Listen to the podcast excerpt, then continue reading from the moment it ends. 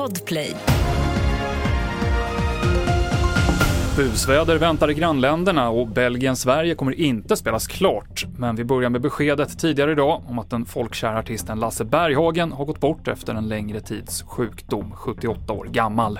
Artisten Petra Marklund lärde känna Lasse Berghagen när de var med i Så mycket bättre 2010 och de höll efter det kontakten och jobbade ihop. Eh, Lasse, Lasse var varm, rolig. Han tog en roll eh, att samla ihop alla. Han liksom tog den fadersgestalten väldigt lätt.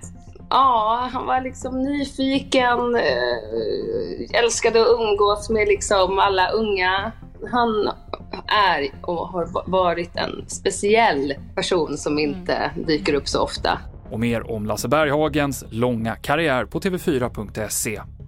En kvinna har fallit över bord från färjan Tycho Brahe som går mellan Helsingör och Helsingborg. Helikoptrar och räddningsbåtar från både Sverige och Danmark deltar i sökandet. Det är stormvarningar i både Danmark och Norge i helgen. Den danska räddningstjänsten har de senaste dagarna förberett sig genom att lägga ut sandsäckar. På norska Sörlandet och Västlandet väntas de kraftigaste vindbyarna på tio år. Och här i Sverige gäller vädervarningar för högt vattenstånd längs Skånes och Blekinges kust och för stormbyar eller hårda vindbyar under fredag kväll i södra Götaland. Fotbollsmatchen mellan Belgien och Sverige som avbröts på grund av terrordådet i Bryssel kommer inte spelas färdigt. Det Europeiska fotbollsförbundet har beslutat att halvtidsresultatet 1-1 kommer gälla även som slutresultat. Varken det svenska eller det belgiska förbundet ville att matchen skulle återupptas. Och även IT-administratörer kan vara slappa när det kommer till lösenord. Ett säkerhetsföretag har gått igenom data med 1,8 miljoner administratörsinloggningar och den visade att 40 000 hade kort och gott admin som lösenord. 1, 2, 3, 4, 5, 6 och password var också vanligt förekommande. Det här rapporterar Computer Sweden. Och det avslutar TV4-nyheterna.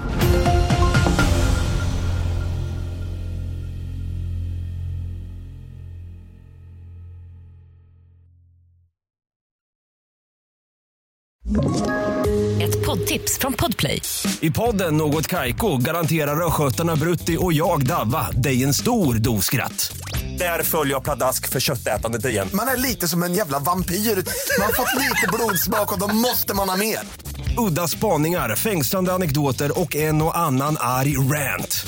Jag måste ha mitt kaffe på morgonen för annars är jag ingen trevlig människa. Då är du ingen trevlig människa, punkt. Något Kaiko, hör du på Podplay. Därför är gardinerna.